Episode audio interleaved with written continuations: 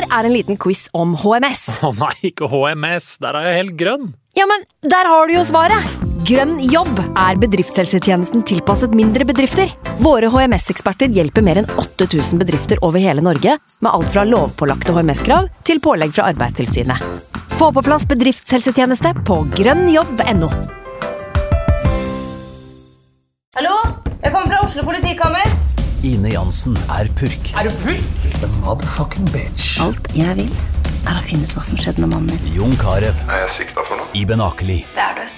Ole So, Lars Berrum og Big Daddy Karsten. Hvem sin side er du på, egentlig? Anette Hoff, Tone Danielsen, Kommer du fra Afrika? Jørnis Josef, Nesten. Kløfta. Trond Espen Seim, Det er synd å si det, men det var feil mann som døde. Purk. Premiere tirsdag på TV2 Play. I can't believe it. Football, bloody hell.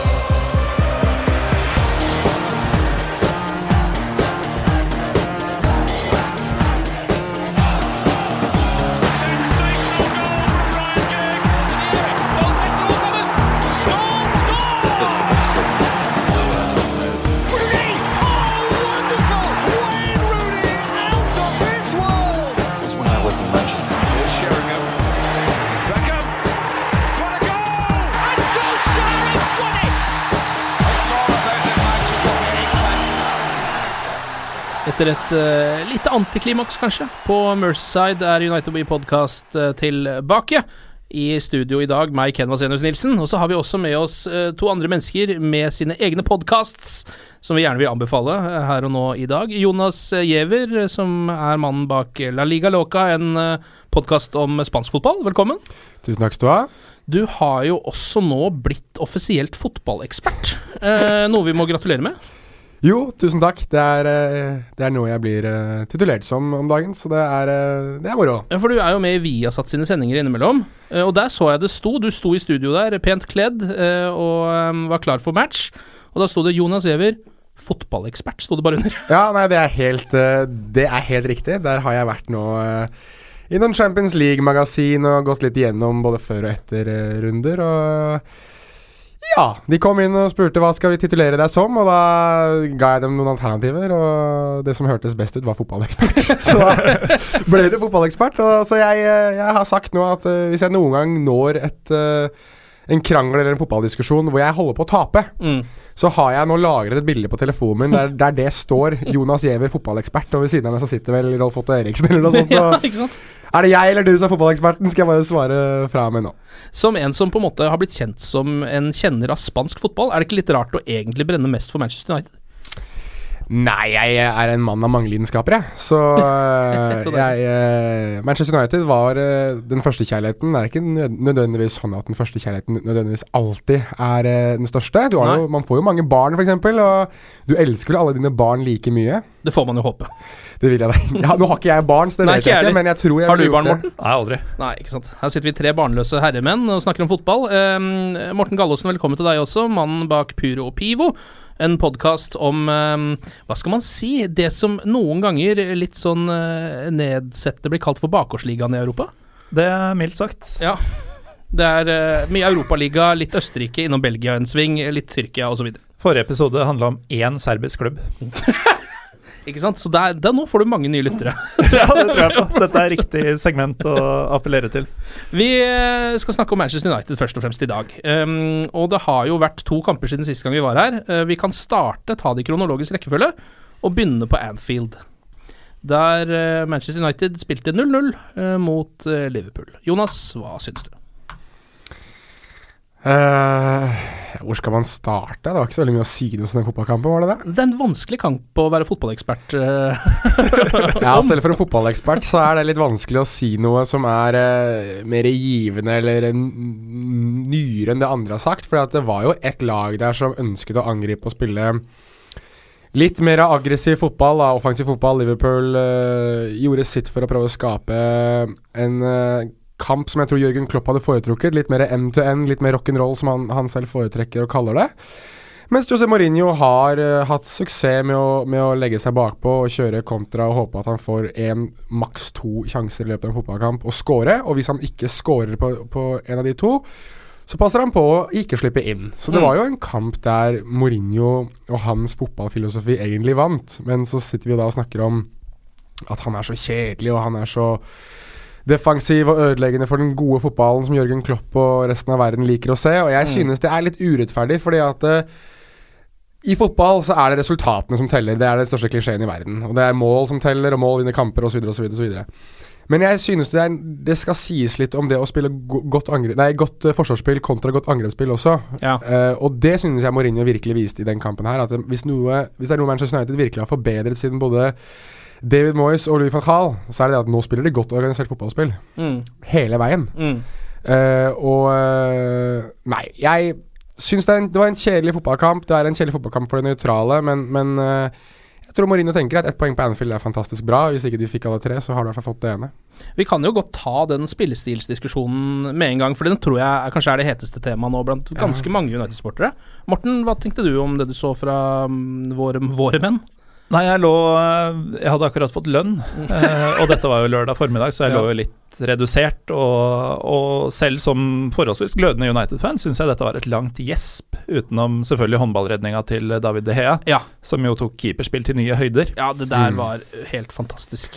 Men uh, en Det, av mine det fungerer ikke som hangover-kule her. Man må spørre om det. Du, var, du, ikke, du ikke kurert etter en kamp her. Vi skal her? komme tilbake til det. Ok, bra. Men uh, altså en av mine favorittskribenter innen fotball, uh, Nils Henrik Smith, han har jo skrevet en lengre sak om at fotball er ikke underholdning, tror jeg overskrifta var.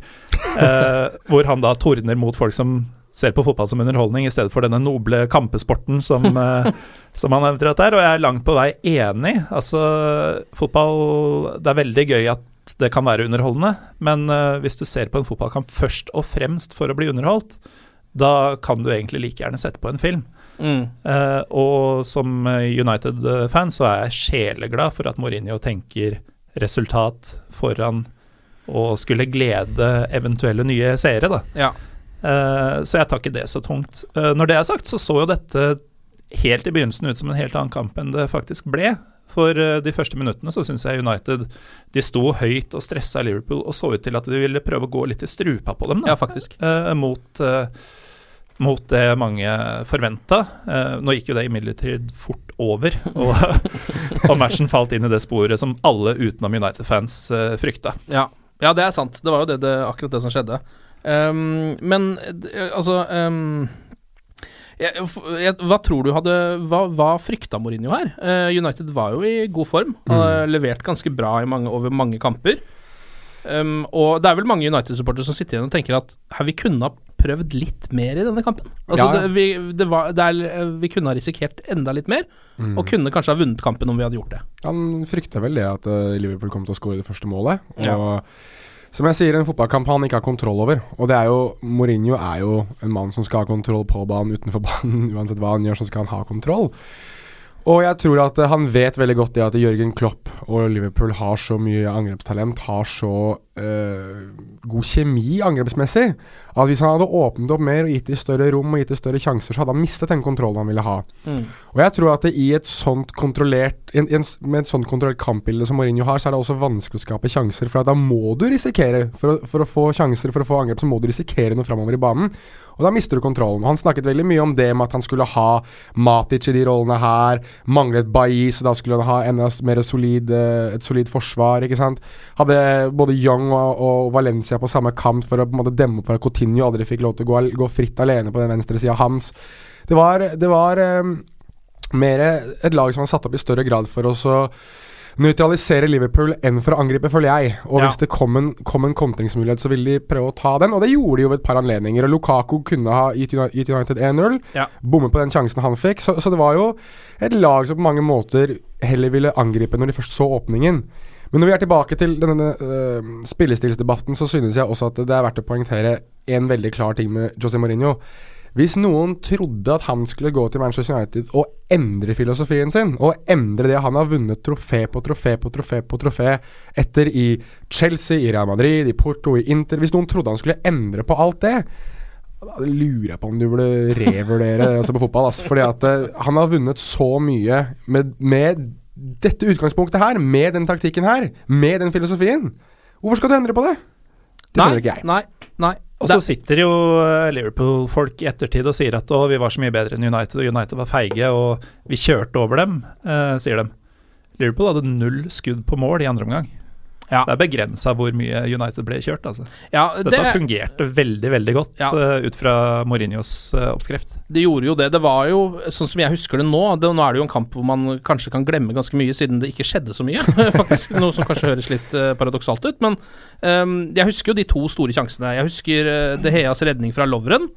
Og så husker jeg Hæ? Matip. Var det Matip? Var det selvfølgelig, fra Matip. Og så husker jeg Lukakus sjanse, som han bomma på. Ja. Og det er egentlig Det var de to tingene som kunne ha snudd denne kampen en eller annen vei, Før det da. Ja, Matic hadde skuddet fra distanse og som suste Ja. like over Mm. tverrleggeren Ja. til uh, Mignolet. Og da hadde han ikke hatt en sjanse hvis han hadde gått innafor. Men eh, Men det var jo virkelig ikke en kamp som vi som United-supportere kan sitte inn og tenke sånn Vi burde ha vunnet den kampen pga. det og det og det. det sånn var det jo virkelig ikke. Nei, nei, nei, nei overhodet ikke. Men, jeg, men jeg, Liverpool har den største sjansen, registrerer den største muligheten, er kanskje mer villige til å satse offensivt.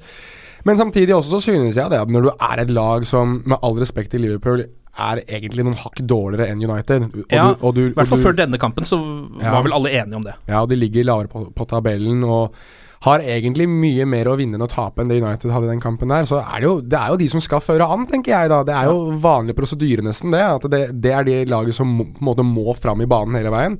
Så jeg synes ikke at det kampbildet er så utrolig overraskende. Men jeg kan forstå de som tenker at ja, United kunne ha vunnet, uh, kunne ha satset mer, kunne ha gjort sånn og sånn og sånn. Men jeg tenker hvis vi setter inn Paul Pogba i det laget her, det United-laget her, er det et lag som kan kontrollere i enda større grad både offensivt og defensivt? Ja. Ja da. Om vi setter inn Fellaini i det laget her, er det et lag som på mange måter kan bryte ned Liverpool fysisk sentralt i banen, kanskje etablere noe på Liverpools banehalvdel kun ved at uh, Fellaini tar ned banen på brystet? Ja. Ja. United mangler veldig mye i det laget, i det laget her nå. Mangler offensive krefter sentralt i midten. Herrera er god, men er begrenset med ball. Matic Hadde ikke en god kamp mot Liverpool. hadde ikke noen god kamp. Matic skal stabilisere dypere bane i disse kampene her. Mkhitaryan får ikke til noe, for han får ikke ballen. Sammen med en småskadet eh, Rashford. Mm. Eh, eller Martial, om du vil. Eh, og samme Lukaku, som egentlig bare virka sliten. Sliten Ja. og sur. Og um, lyst til å sparke ned motstanderen. eh, Som han også gjorde. Som han også gjorde. Ja. Så jeg, jeg synes egentlig at det er et United som var, var på mange måter begrenset ut ifra mannskap de hadde tilgjengelig.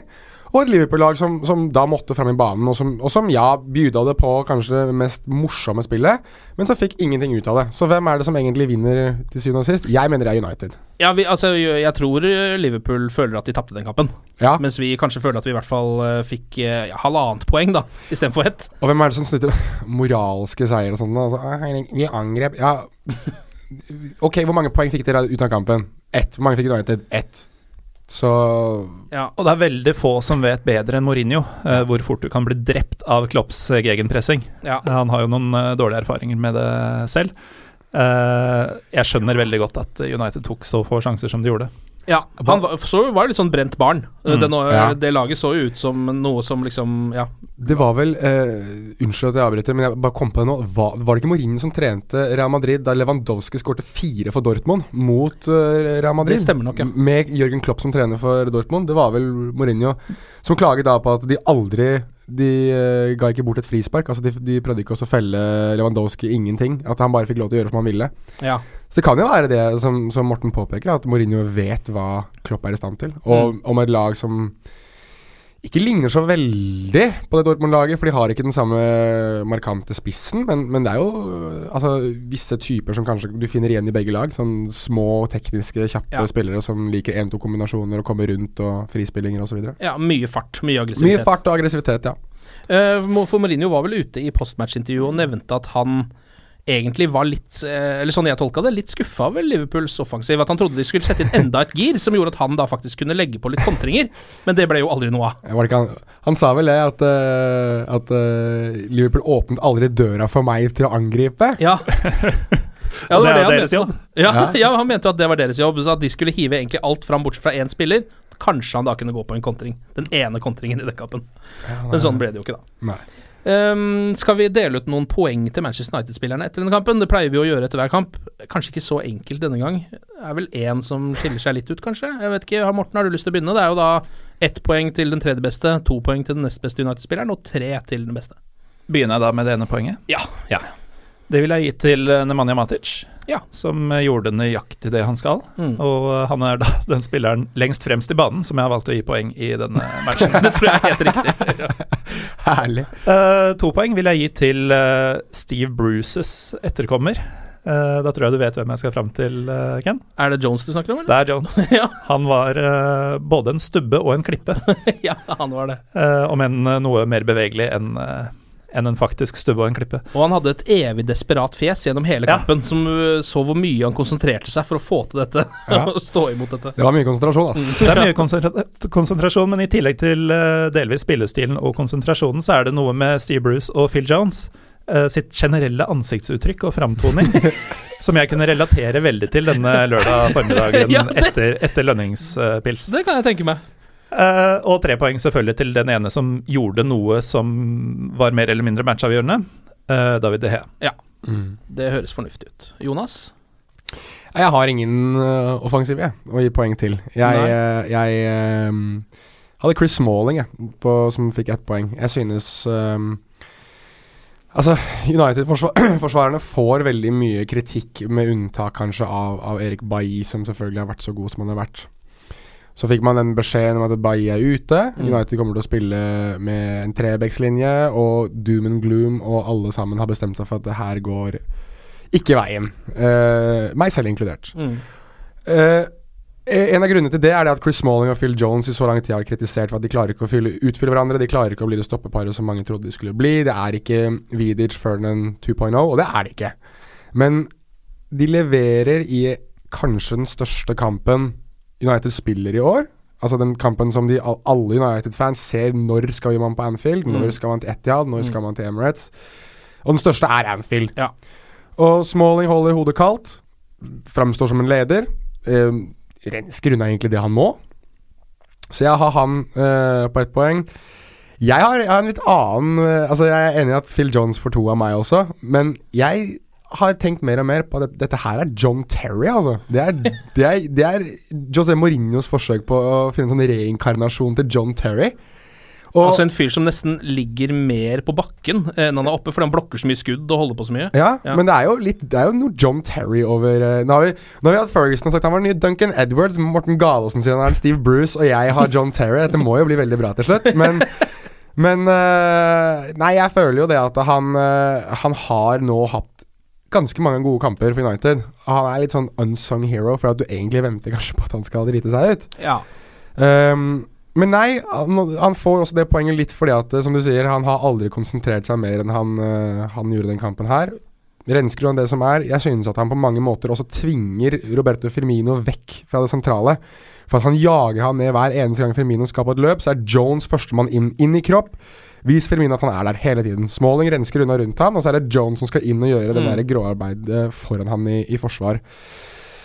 Og tre poeng går da til uh, mannen som jeg er litt sånn usikker på om har åtte armer eller ikke. uh, for at den der Og åtte bein. Åtte bein, åtte alt beina. armer og Nei, altså, jeg har eh, Det var vel Jamie Carragher som sa det at han er tidenes nest beste keeper i Premier League. At det kun er Peter Schmeichel som er foran han. Og jeg har Jeg så ikke Schmeichel live. Jeg har sett David De Gea live. Jeg har sett Edin van de Saar live.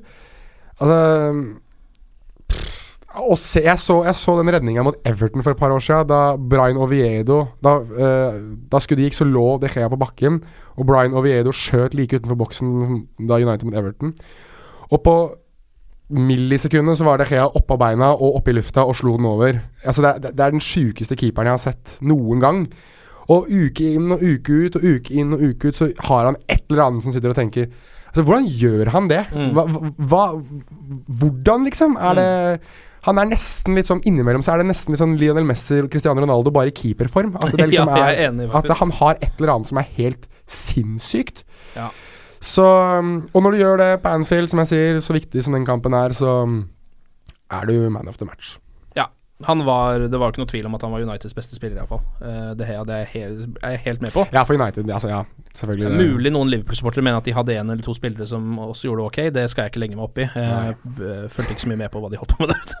Eh, jeg liker jo også at Phil Jones er den sammenlignende med John Terry, fordi jeg lurer på om de to er de eneste spillerne jeg tror jeg kan komme på nå som er um, kapable til å vurdere å sklitakle med hodet. Eh, det er jo John Terry var jo spesialiteten hans. Ja, det er to, dette er én til. Uh, José María Jiménez, som spiller for, uh, Ja, han, ja. for Atletico Madrid, Ja, gjør, det samme. Uruguayaneren. Yes. Ja, han er også litt sånn som Han er klin kokos. gjerne går inn med hodet mot uh, rist. Det er ikke noe å tenke på. Kan jeg komme med en litt obskur referanse i så måte? Mhm. Eh, Heidar Helgusson, som uh, spilte for et par uh, London-klubber og Watford, hvis Ja. du ikke regner dem.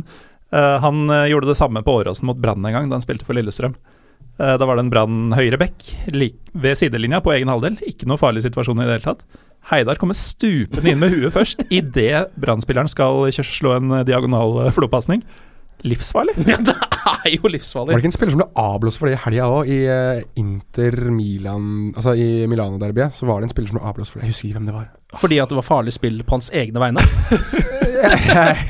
Gudene vet, men eh, det ser jo helt nydelig ut når de kommer susende inn i huet først her. Det er Det er så eh, lite tanker rundt egen helse at jeg kan, man kan bare elske det. Jeg hadde ikke sett det på 18 år, og nå gjør alle det, plutselig. Nå er det vanlig igjen. Eh, ok, vi kan gå videre til gårsdagens eh, kamp, da. Uh, litt hyggeligere match mot Benfica. Uh, et ganske dårlig Benfica-lag om dagen. Um, til slutt så blir det jo 1-0. Det er en komisk scoring, da. Jeg vet ikke, hva, hva tenkte du om kampen, Morten? Nei, jeg Resultatet hyggeligere. Kampen eh, Igjen så merker jeg at jeg ble litt lurt innledningsvis. Altså Mot Liverpool så var det hvordan United sto, til å begynne med. Uh, mot Benfica var det mer lagoppstillinga. Ja. Jeg syns den oste at uh, her skal man bare fram, avgjøre tidlig, uh, dominere litt, Mm. mot et eh, Benfica som tross alt sparte en del spillere, i Mm. tillegg til å ha slitt. Eh, de var jo ikke teoretisk sett kjørt før denne kampen, men eh, de virka å ikke ha tro på det i det De hadde vel et par debutanter. Altså Keeperen debuterte jo Champions League. Mm. Eh, og så tror jeg det var noen flere unggutter utpå der òg. I hvert fall en til. Jeg husker ikke. Ja, par Ja, det var flere. Gonsalves på venstrekanten, Ja. Mm. blant annet. Men uh, apropos keeperen, han, han er vel uh, Stakkars. Ja, jeg fikk så vondt av han. Stakkars. Han sto jo så bra ellers. Ja, han Han uh, virker veldig spennende og verdt å følge med på når han uh, blir litt mer klok og rutinert. Mile Schwilar, burde du kanskje, kanskje si hva han heter. Miles. Svilar, Svilar, ja. Han, eh, har, han er på diverse belgiske U-landslag. Han er helt klart en talentfull keeper. Han Mm. ser jo ut som at han er under 15 år. Ja, han gjør det, ja. Fjeset hans er det yngste fjeset jeg har sett på en seriøs fotballbane Mm. noen gang. Ja, han, ja det er, han er helt der oppe blant de yngste hva angår Han og Ibrahim Affelay er vel kanskje de to jeg kommer er på som er, liksom, de, som er skikkelig babyface uansett. Det var noen som sa det at Affelay er faktisk eldre enn Charlie Adam og ser ut som han kunne vært lillebroren hans. Fins det folk som er eldre enn Charlie Adam? Det går jeg nesten ikke med på. Han er visst eldre enn Charlie Adam. Ja, ja, ja. Ja, det er utrolig. Men eh, det er jo eh, litt sånn eh, Jeg syns ikke det lå noe særlig United-mål i lufta Nei. da Svilar bestemte seg for å ta et skritt tilbake og bare Ta med ballen inn i eget mål. teste mållinjeteknologien. Eh, og jeg lurer på hvordan det ville blitt om eh, målet ikke hadde kommet. Jeg syns det Ja. lukta en ny 0-0. Jeg bare Ja. sånn Dette er greit nok for oss. ja, Det hadde det jo for så vidt også vært, da. Mm. 0-0, helt ok resultat der også. Ja, Mourinho sa vel det. Å ta med seg 0-0 borte fra det han anså som det nest beste laget i gruppa, hadde vært greit. Ja. Um, og nå Er det noen som vet om det ble selvmål, eller om Rashford fikk det, forresten? Det må jo bli selvmål. Det burde jo bli Han holder jo ballen og går inn i eget mål. Ja, Ja. altså Keeperen har ballen Ja. uh, utenfor målet, ja. og, så tar han med seg ballen inn. Ja. Ja, jeg vet ikke helt hvordan teknisk det funker, Fordi det er bare Det er jeg blir litt sånn nerding på regler og sånn, Mm. men, uh, men det fins jo f.eks. hvis du eh, skyter ballen mot keeperen, Mm. um, og han redder den og den bare spretter inn, så får du jo målet. ja, men blir- her- her er det jo han, han holder jo den fysisk. Ja, han gjør det. Og jeg tror det er en regel på det. At hvis, det samme som hvis jeg skulle stått i mål nå og, og fikk en pasning eller et skudd, da, og jeg Ja. hadde snudd meg og gått inn i mål med ballen, Ja. så hadde det vært et selvmål på meg. Ja, Selv om pasningen var på vei mot mål fra før. Ja, egentlig. Er Ja, for det er jo ja. det som har vært eh, greia, at eh, nesten uansett hvem den treffer og hvordan, Ja. hvis ballen ser ut til å ha kurs for mål, eh, og ville gått inn uten eh, deflections og sånn, Mm. så er det han som skyter. Mm. Men i dette tilfellet så Jo da, det var jo på vei mot mål, Ja. men uh, hadde keeperen hatt et fnugg av hjernekapasitet akkurat i det øyeblikket han valgte å holde, Ja. og bare boksa han ut, Mm. Stakkars. som alle i hele verden Stakkars. utenom Miles Villar ville gjort. Ja, men jeg synes så Jeg fikk så vondt av han. Og det var ikke bare det at uh, han gjorde en feil, 18-årig feil, men det var liksom Alt etterpå var han liksom sto og beklaget seg til supporterne bak mål, og Ja. Alle gutta Eller alle United-spillerne kom bort liksom Lukaku sto med han i liksom et halvt minutt og sa Du, det her Ja. går bra, og du er en god keeper. Han nesten så ut som han begynte å grine og sånn. Det var Ja. Jeg var liksom appellerer Vi snakket litt om det å ha unger og sånt tidligere i eh, Ja. sendinga, men det er sånn Åh, stakkarslige gutta. Sånn 18 år gammel yngste vel som har debutert i Champions League uh, som keeper, Ja, er etter, etter Ike Casillas. Mm.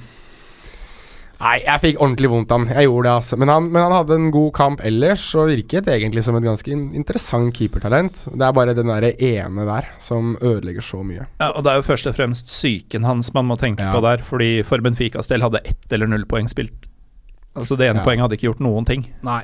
Eh, mest sannsynlig. Nei, det er psyken hans, men da så er det jo også Altså, han øh, viste seg som en ganske øh, offensiv keeper. Ja, Og det var jo det som ble smellen hans her òg, for han går jo for langt ut, og så skrur Rashfords øh, frispark for langt inn, så han Ja. må plutselig trekke seg inn på streken igjen. ja. Mm. Det var en sånn der kvasi Ronaldinho David Seaman VM Ja, faktisk. 2002-situasjon, men, eh, men eh, det var vel noe Mourinho sa, og, flere av spillerne sa Matic også sa et, etter kampen, at de, de faktisk eh, sikta seg ut keeperen. At vi skal, Ja. vi skal ta han, fordi at han er så ung og så Ja. uferdig, og vi vet at her, han her kan vi virkelig rokke ved hvis vi, eh, Ja. hvis vi prøver oss litt, da. Og det er og- jo helvete kynisk, men det viste seg å være helt riktig.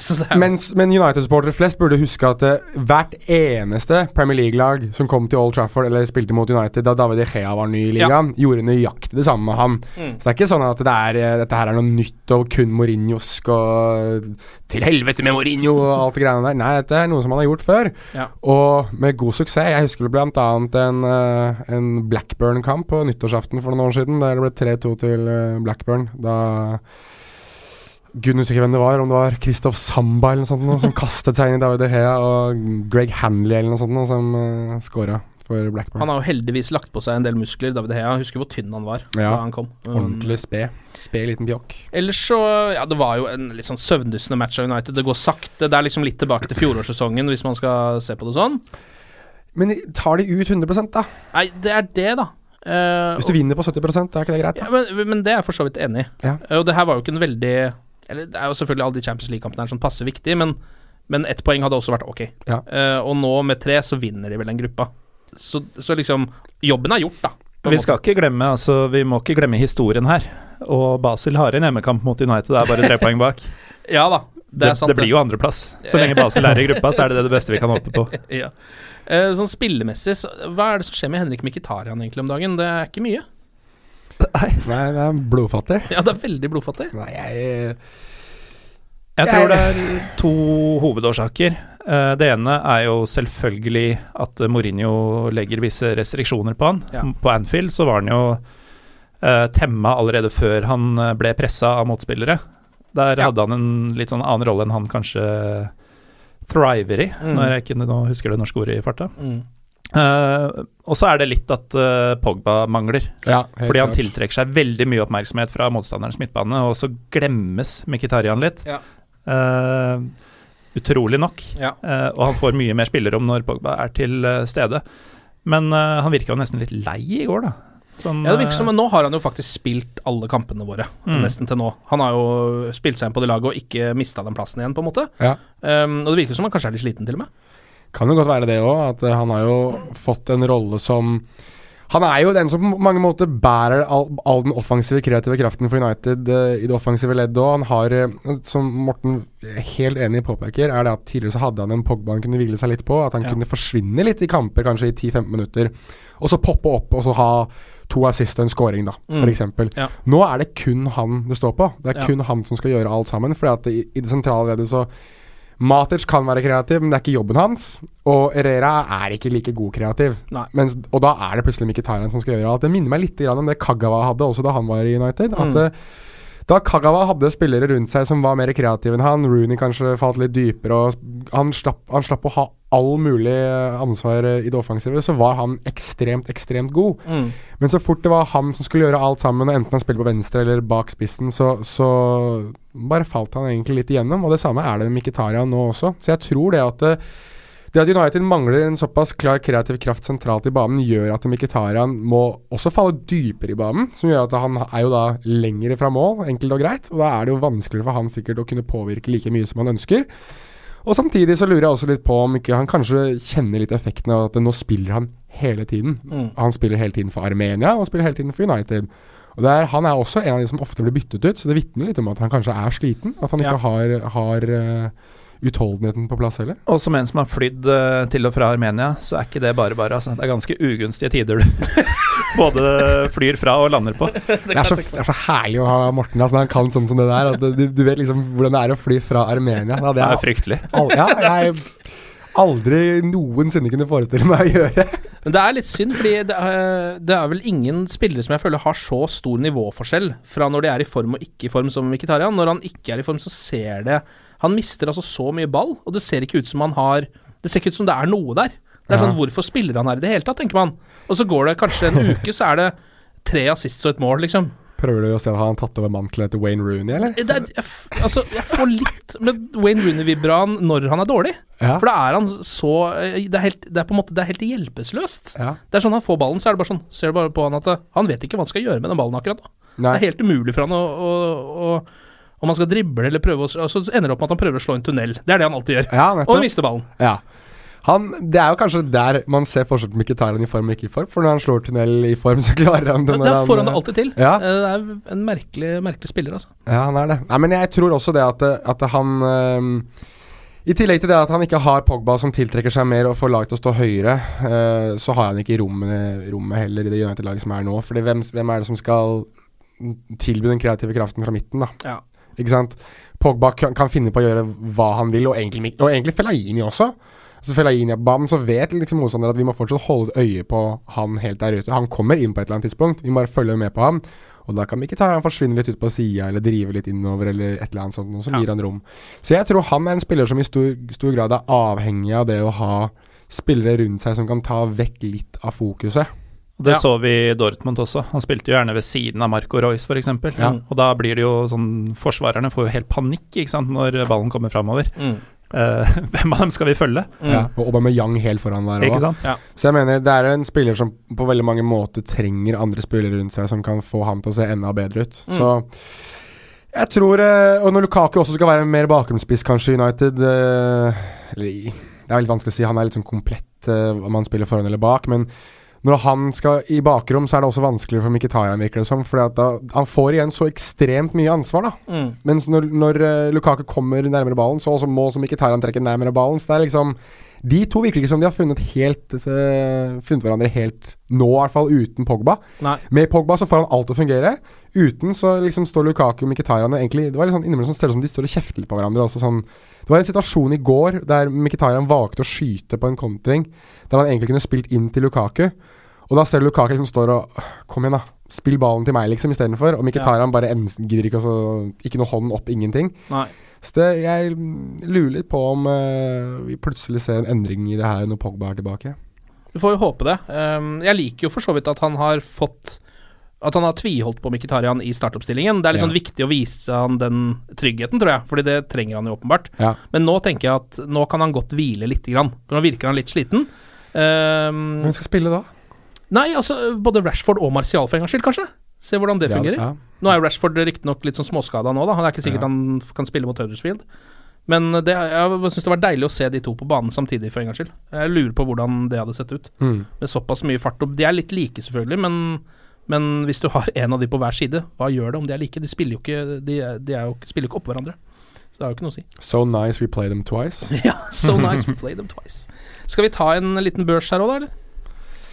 Ja, jeg kan, jeg kan starte denne gangen, da. Ja. Um, den her syns jeg er egentlig vanskeligere, skal jeg være helt ærlig. Jeg syns den her er skikkelig vanskelig. Eh, Fordi det her er det liksom ikke Det er egentlig ingen å, å si noe særlig på. Jeg syns ikke Benfica får til noe særlig. Jeg syns ikke United får til noe særlig.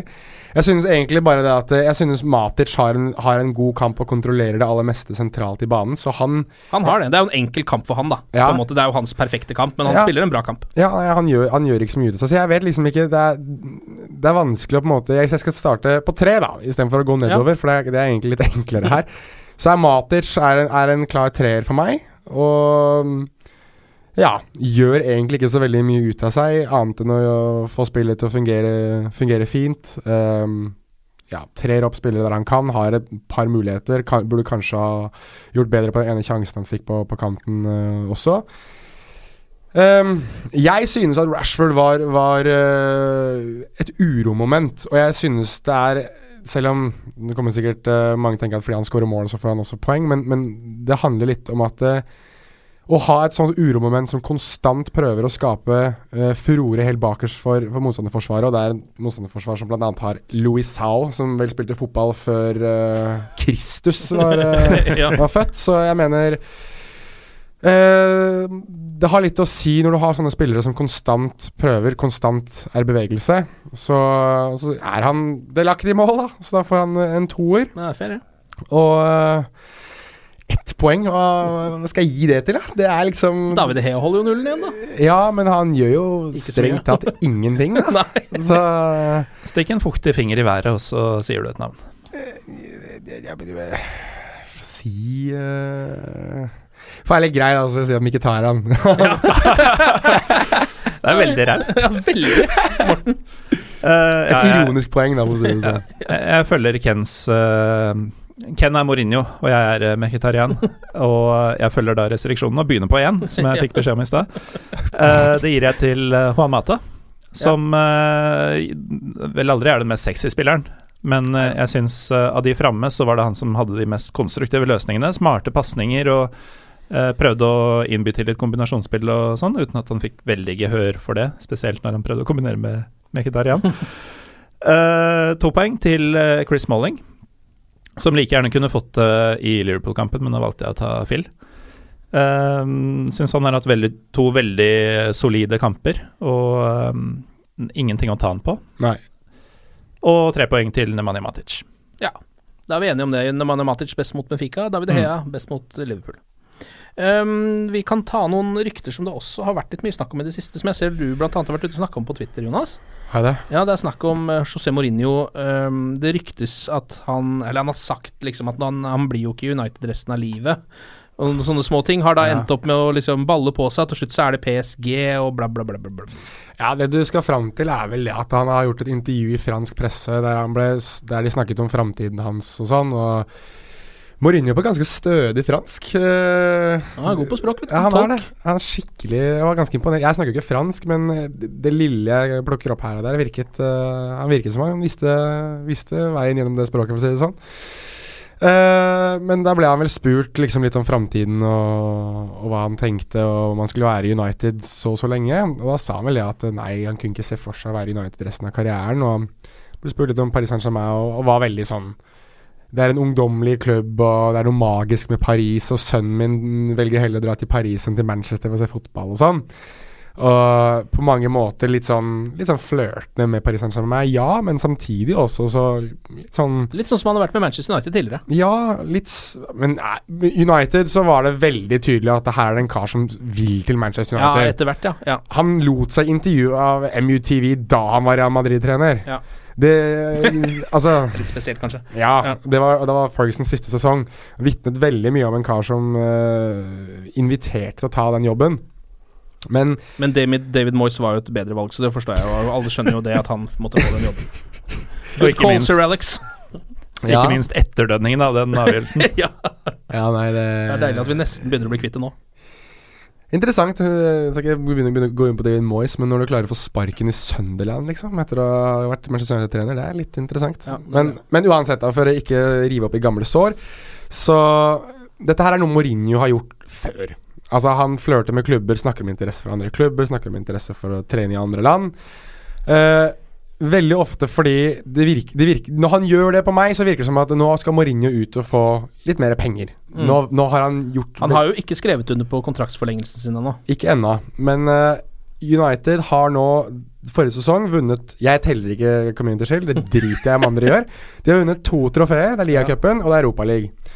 Vunnet de, startet Premier League på fantastisk vis, startet Champions League på fantastisk vis.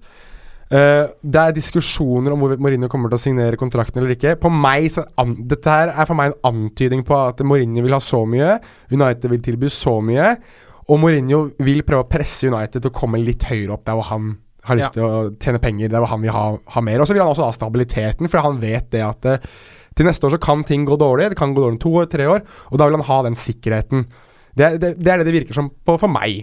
Så hva, det hjelper jo veldig da å gå ut, og det er ve veldig sånn eksakt timing, å gå ut mens ting går veldig, veldig bra, og si at eh, kunne kanskje tenke meg å trene et annet sted, og jeg blir jo ikke alltid i United og sånn. For det som skjer da, er det at eh, supportere tenker å gud, nå mister vi suksesstreneren vår. United-ledelsen tenker å gud, nå, nå er han i samtale med noen andre, nå, er, nå skjer det et eller annet. Og Paris Saint-Germain ser han og tenker vel, hvis det går skikkelig dritt med Una Emery, så har jeg i hvert fall en kar som kan være interessert, og kanskje forhører seg allerede nå med, med Jorge Mendes for å se om det kunne være interessant å hente han etter sesongen, eller midt i sesongen, eller hvis noe skulle gå skikkelig dårlig. Og den eneste som sitter og vinner på det her, er José Mourinho. Mm. Fordi supportere i harnisk, ledelse som uh, ikke helt vet hva som foregår, og en tredjepart som er en av verdens største klubber, en av verdens mest suksessrike klubber akkurat nå, eller fremgangsrike klubber, bør jeg kanskje si, akkurat nå, Og rikeste. og rikest, kan være interessert. Så jeg tipper at enden på visa blir at uh, United, uh, Jorge Mendes og Mourinho kommer til å sette seg ned sikkert over jul, et eller annet sånt nå, og bli enige om en avtale. Uh, der Mourinho får betraktelig mer penger enn det han sikkert får nå. Han sitter vel på en kontrakt til 2019 med opsjon til 2020, var vel det jeg fant ut. eh, så Ja. da, da blir det sikkert en kontrakt ut 2022 eller noe sånt, da. Med Mm. kanskje en opsjon til 2023, eller kanskje 2021 og så en opsjon til 2022, en, for, en toårs forlengelse. Der Mourinho tjener mer penger. Og eh, ja, og alle sammen roer seg ned, og Mourinho skal plutselig da være United-trener eh, de neste ti årene. Og så vet vi alle sammen at om maks to-tre år så kommer han til å klikke i vinkel og falle i unåde hos alle. Og Det hørtes lenge til. ja, men, tror- ja, men jeg tror Er det ikke neste sesong som er klikkesesong? jo, det er, det er neste sesong det virkelig skal gå dårlig. Men jeg tror Jeg tror at Nå har Mourinho vært med på det, det gamet her så mange ganger, og vært i den der karusellen der så mange ganger, at nå må han egentlig Han må vel egentlig for sin egen del få opp ryktet sitt litt. Grann, at han er faktisk lenger i klubber enn kun tre sesonger. At han kan gjøre mer. Så jeg tror at hvis en klubb som Paris Saint-Germain eller Gud forby Bayern München eller noe sånt og har lyst til å ansette han, så tror jeg de, de trenger å se at dette her er en kar vi kan ansette med potensielt fem år, potensielt seks år, potensielt sju år, istedenfor for å se at vi vet om tre år så må vi ut igjen. Mm. Vi kan ha han i tre år, og så må vi fornye kontrakten hans én gang, og så vet vi det at vi må betale ham mye penger et, etter år tre. Eller midt i år tre, eller i starten av år tre. Så jeg tror at han trenger å vise for fotball-Europa det at dette er, en, dette er en trener som man kan sette sin lit til over en lengre periode. Vi har aldri sett Mourinho over en lengre periode i noen som helst klubb. Nei. Så jeg tror Han er jo litt sånn trenerutgaven av Zlatan, på en måte. Litt sånn journeyman som har vært uh, all Ja. over. Ja, litt sånn, men, men jeg tror at for hans del, som fortsatt er Han er forholdsvis ung, altså. Han er fortsatt vel bare 54 år gammel, eller noe sånt.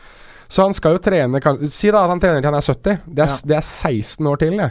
Selvfølgelig han kommer ikke til å være i Manchester United i 16 år til. Det skjer ikke. Det ingen Jeg tror ikke på det der at man ser en trener være i en klubb i 20 år. Det, det skjer. Wenger er sistemann, og så er, er det over. Ja, det tror jeg kanskje jeg også. Ja, det er, jeg er rimelig sikker på det. Altså, hvis, hvis du får Jeg tror at hvis du får syv, Si syv år, da. Nå skal jeg være veldig ambisiøs. Si at du får syv år ut av Mourinho. Da skal du være fornøyd, altså. Ja. skal være ordentlig Guardiola kommer ikke til å være City i syv år. Klopp kommer ikke til å være Liverpool i syv år. Mourinho kommer ikke til å være United i syv år. Det, det skjer ikke. Conte kommer ikke til å være Chelsea i syv år. Han er sikkert ferdig etter det året her. Ja, det tror jeg. Så jeg mener oppriktig talt det at eh, hvis Mourinho må være i en klubb i en lengre periode for å bevise at han kan det Om si Jeg sier toppen, toppen fire år, jeg. Så er han, er han ferdig i United, enten han vil eller ikke, egentlig. Ja.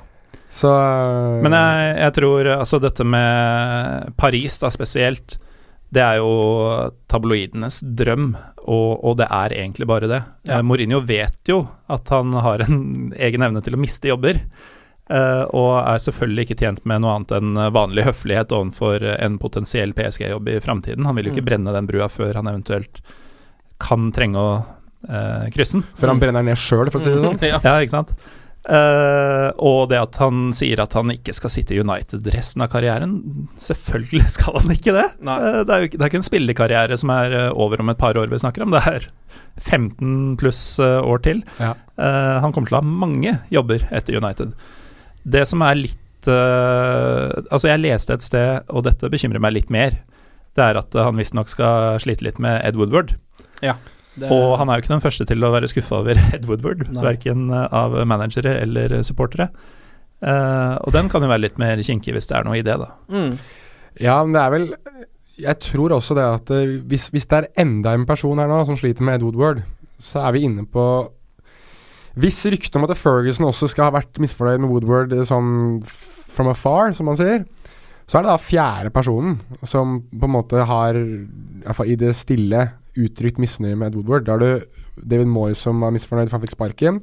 Louis van Hall som var veldig kritisk til Ed Woodward med at uh, siden de aldri fortalte ham noe, så skulle han få dem til å betale hver eneste røde, røde øre, som man sier på norsk. Mm. Every single penny blir det på engelsk. Uh, Ferguson som nevnt, og Mourinho. Mm. Så uh, til syvende og sist så tror jeg Glazers da må tenke litt det at ok, han er Cristiano Ronaldo og skaffe reklame og sponsorpenger. Han får jo malingsselskaper i Singapore til å betale penger for Manchester United, så jeg mener jo at når det kommer til det, så er han jo et geni. Ja. Men hvis han konstant skal klare å ødelegge uh, relasjoner til trenere, og ødelegge en harmoni som Mourinho tilsynelatende har klart å skape, litt sånn merkelig, på merkelig vis, synes jeg, så er det han som er et problem. Og da må han fjernes. Mm. Altså Ed Woodward. Ja. Den Eh, kampen tror jeg er ganske hard. Jeg tror den er vanskelig, den kampen der. Må fjerne Den er nok det, men, jeg, men nå, nå snakker jeg da eh, selvfølgelig fra en person som sitter utenfra og ser inn. Ja. At uh, hvis det konstant er Ed Woodward som er uh, fellesnevneren Altså hvis du har vært gift fem ganger, så er det du som er fellesnevneren. ja. Da er det deg det er noe feil med. Det er ikke, det er ikke alle damene som du har Eller alle mennene du har vært gift med. Det er du. Det er sant. Så det er kanskje på tide å vurdere hans uh, situasjon. Og det har jo vært interessant å se at United har forhørt seg litt med ulike sånne mm, ikke sportsdirektører, men både hovedspeidere og mulig rart for å se om de vil være interessert i å ha en litt sånn høy, høy eh, stilling i United. Nå var det den Juventus eller recruitment manager eller sånt som ble ansatt nå i fjor, vel. Og så var de, prøvde de å få han uh, Gud, jeg glemmer alle navnene i dag, men det er fall han, han i uh, Atletico Madrid.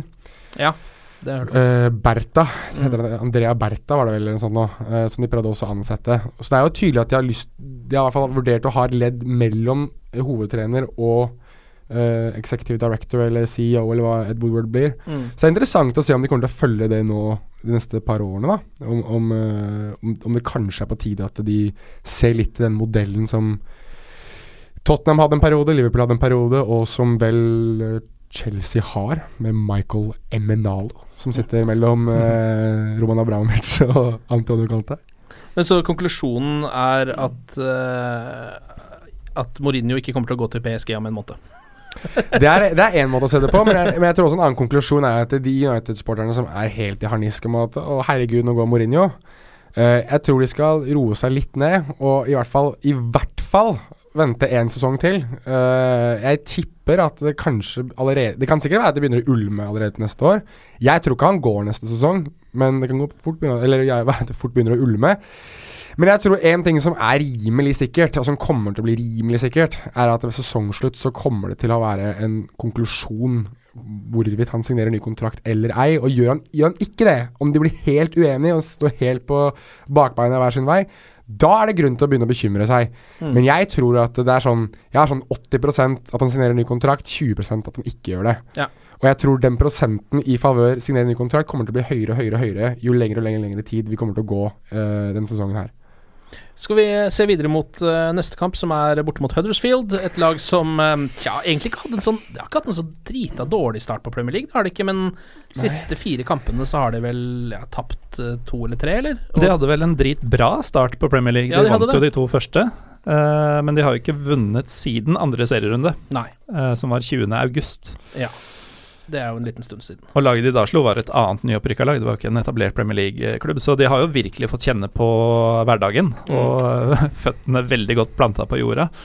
Eh, det er også et lag som eh, Altså, United tapte sist mot i eh, en obligatorisk kamp i mars 1952. Ja.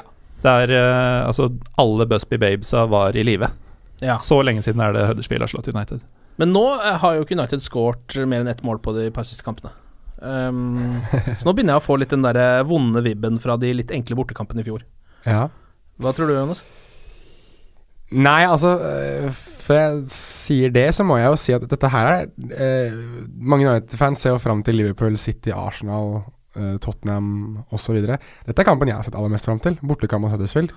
Jeg studerte i Huddersfield. I tre, I tre år studerte jeg i Du har bodd i Huddersfield, ja. Jeg har bodd i Huddersfield. Jeg eh, kjenner eh, klubben sånn ok greit. Jeg har vært, eh, gjort, hatt intervjuavtaler og sånt noe på Canalside, som er treningsanlegget deres. Og ja, da var det en litt sånn, eh, litt sånn klubb som hadde veldig, veldig høye forventninger til seg selv. Ikke helt klarte å leve opp til det, og så ansatte de da Wagner som tok de, tok de opp, men uh, en klubb som er egentlig en sånn skikkelig, skikkelig en familieklubb, ass, som Ja. inviterer folk til å komme og spise, spise lunsj med spillerne på fredager og sånn.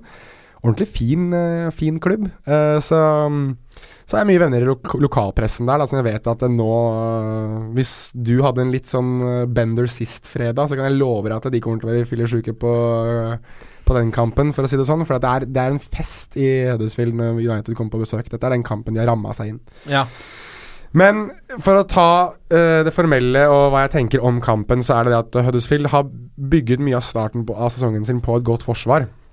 Det var der de vant mye poeng med Zanka Jørgensen og, og Jonas Løssel i mål, uh, som jeg synes var litt sånn Ok. eh, ja, ja, ja. de er de liksom plutselig blitt Premier League-kvalitet òg. Ja. ehm, men, men så har det gått litt trått, og jeg tror det, jeg tror det er litt sånn um, Den der fairytale-følinga som veldig mange Premier League-klubber får. Blackpool hadde den for eh, noen år siden. Da det var liksom Blackpool kommer til å overleve, og herregud, se hvor Blackpool har alltid ligget uh, nede i de lumske divisjoner under Premier League, og så gikk det vel skikkelig skeis siste serierunde, hvor de rykket ned.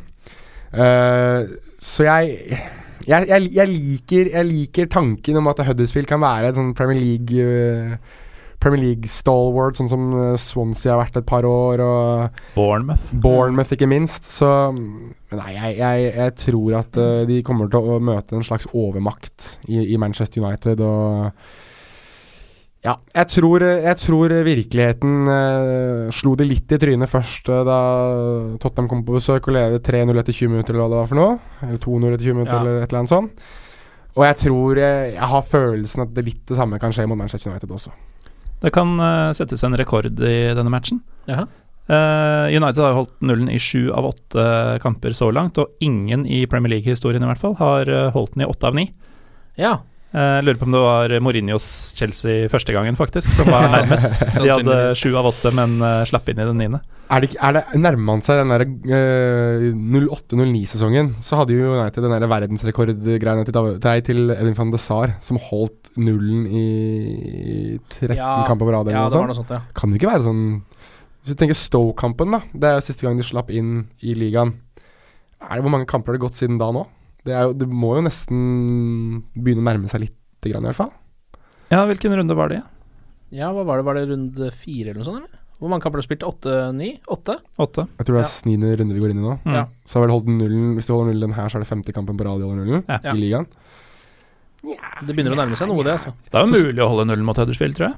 Og så spiller de mot Spurs uka etter. Så klare å holde, du klarte jo å holde nullen borte på Anfield, og da bør det være mulig borte mot Huddersfield også. Men vi skal ikke undervurdere Steve Monier. Du skal heller ikke, skal heller ikke overvurdere. Overvurdere Steve Du skal ikke undervurdere the hostile environment på John Smith Stadium heller, altså. Det er et bryggeri, er det ikke det? Jo, det er et bryggeri. De heter jo egentlig Banen heter jo egentlig noe annet. Nå kommer jeg ikke på det i, eh, i farta, men eh, det er da litt sånn som uh, St. James' Park var vel Sport Direct Arena. Ja. Så er John Smith Stadium er litt uh, The Gal Farm, tror jeg er uh, Eller noe sånt noe. Det er sjelden jeg foretrekker sponsornavnet, men eh, i dette tilfellet så gjør jeg det. Nei, nå skal jeg virkelig se å finne ut hva den banen heter. For det, det var liksom hver gang du skulle dra ned dit eh, Jeg bodde ikke så langt ifra, men i første året mitt bodde jeg ganske langt ifra stadion. Og tok taxi. Så sa jeg John Smith Stadium. Og da fikk jeg beskjed av, av taxisjåføren at nei, det kan du ikke si. Det er feil. Det er det, er, eh, det, er, det, det er det de vil at du skal kalle det. Ja. Det heter noe annet.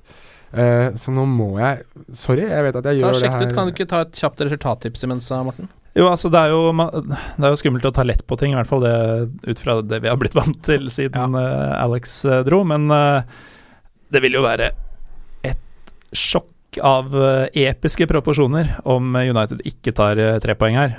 Og så er det jo litt sånn to relativt tøffe bortekamper i beina, antagelig litt sjonglering på laget. Jeg vil være fornøyd med 2-0, f.eks. Ja. Det høres jo også realistisk ut, tenker jeg. Mm. Nå er det vel på skadefronten. Jones har jo fått seg en liten knock, fikk jo den nå mot Benfica, vel. Men skal ifølge Mourinho eh, være klar, tror han, da, til helga. Rashford vet vi ikke helt med, fikk seg også en liten skade. Eh, Bailly er fortsatt ute. Og selvfølgelig Pogba, Fellaini, Rojo, Zlatan, de skal ikke spille.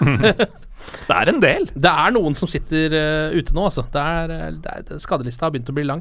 Har du funnet ut av det, Jonas? Ja, det ser ut som det het uh, Galfarm Stadium tidligere, og så er det jo da uh, Ettersom du ikke kan kalle stadionet din for eh, Altså offisielt så kan de ikke ha, ha et sponsornavn, tror jeg.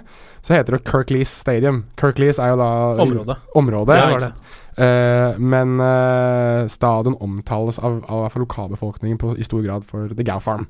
Nå blir det jo Du kommer jo en slags uh, lojalitetskonflikt her, men et lite Ja, resultattips. ja, nei, jeg eh, Lojalitetskonflikt vet jeg ikke. Jeg har eh, det er, ikke, det er ikke en by der jeg forlot hjertet mitt, for å si det sånn. Eh, det, Det gjorde jeg med Bournemouth. Ja, men Bournemouth har litt mer å by på, kanskje. Det er litt forskjell på Bournemouth og Huddersfield, tro meg. I Huddersfield så sa de det at Gud skapte verden på seks dager, og på den syvende så glemte han Huddersfield.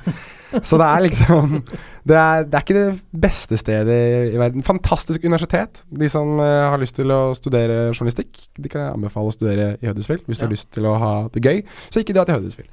Men uh, ja, jeg tror Jeg tror uh, Jeg tror de skal få juble for mål, jeg, så jeg sier 1-4. Ja. Et innsluppet mål, men fire, det høres bra ut, det. Ja, jeg tror, jeg tror Aaron Moy dunker til, som for øvrig er dobbeltgjengeren til Morten Galaasen. Ja, det kan, kan ligne litt.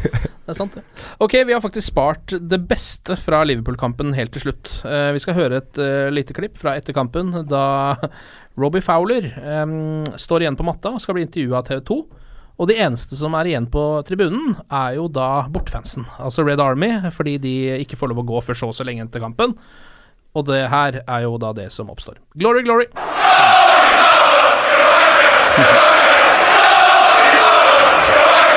No, uh, look at, listen to them guys.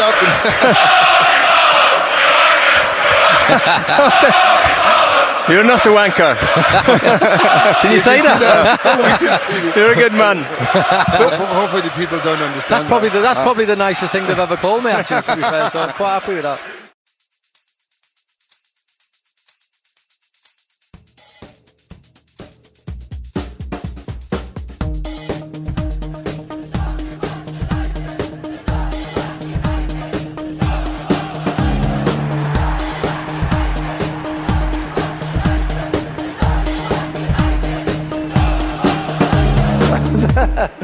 Oh, true. I've seen many things. Ukens annonsør det er matkasseleverandøren Hello Fresh. Der kan du velge mellom 25 ulike oppskrifter hver uke, eller få Hello Fresh til å sette sammen en meny for deg. Jeg sparer tid på å handle, oppskriften er veldig enkel å lage, og så får jeg akkurat det jeg trenger da, til hver eneste rett, så jeg slipper å kaste så mye mat som jeg vanligvis gjør. Det er også litt deilig å faktisk slippe å gå på butikken, ikke bare fordi det er tidkrevende og sånn, men fordi man ender opp med å kjøpe så mye greier som man egentlig ikke trenger, sånn som fire poser eh, Smash og en kick med havsalt, eksempel. Det er ikke det du egentlig er der for, du er der for å kjøpe, kjøpe middag. Så det er en veldig eh, kjekk ting. I tillegg så er det jo eh, ferdigporsjonerte ingredienser, det blir mindre matsvinn, og du betaler bare for det du faktisk trenger, og det du faktisk da spiser. I tillegg så blir det da levert på døra til et eh, fastsatt tidspunkt, sånn at du kan få det akkurat når det passer for deg eh, sjæl. Hvis Hello Fresh høres ut som noe for deg, så har jeg en rabattkode du kan bruke også. Gå inn på hellofresh.no og bruk koden HelloUnited24. HelloUnited i ett ord, også 24, og få opptil 1779 kroner i rabatt på de fem første matkassene dine hvis du ikke har prøvd Hello Fresh ennå. Du kan også bruke koden hvis du tidligere har vært kunde, men har stoppa abonnementet ditt for tolv måneder siden eller mer. Det er ingen bindingstid, og du kan pause eller avslutte abonnementet ditt akkurat når du selv måtte ønske. Husk koden HelloUnited24, og bon appétit! Ukens annonsør er Folio, en smartere banktjeneste for deg som har en egen bedrift eller ønsker å starte for deg selv. Folio er en superenkel nettbank for bedrifter. Som kunde i Folio får du en bedriftskonto med et bedriftskort og app.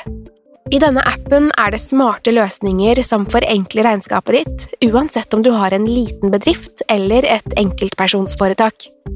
Folio er både intuitivt og brukervennlig, og er laget med et enkelt språk.